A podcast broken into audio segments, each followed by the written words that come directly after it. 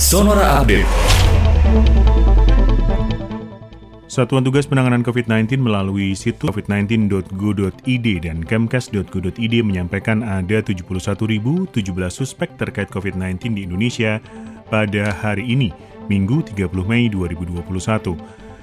Seseorang disebut suspek COVID-19 jika mengalami infeksi saluran pernafasan akut atau ISPA dan pada 14 hari terakhir sebelum timbul gejala memiliki riwayat perjalanan atau tinggal di negara atau wilayah Indonesia yang melaporkan transmisi lokal.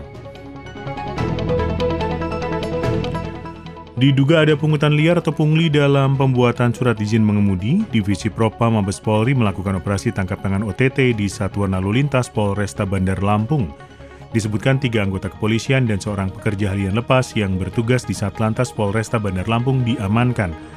Satu di antara tiga anggota polisi yang diamankan adalah perwira pertama.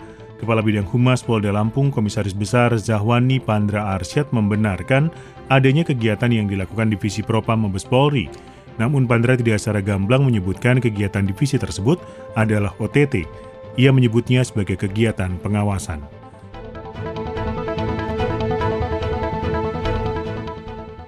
Bandara Internasional Dubai DXB dinobatkan sebagai bandara internasional tersibuk di dunia pada bulan Mei 2021. Hal ini menyusul kembali bergeraknya aktivitas para travelers, baik untuk kepentingan bisnis maupun wisata. Menurut OAG, firma intelijen penerbangan, kapasitas terjadwal di XB adalah 1.895.866 penumpang di tengah banyaknya destinasi yang ditutup untuk penerbangan internasional.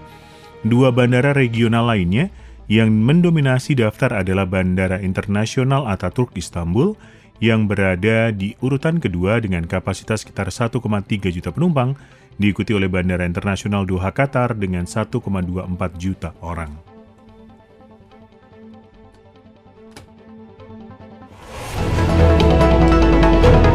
Demikian Sonora Update.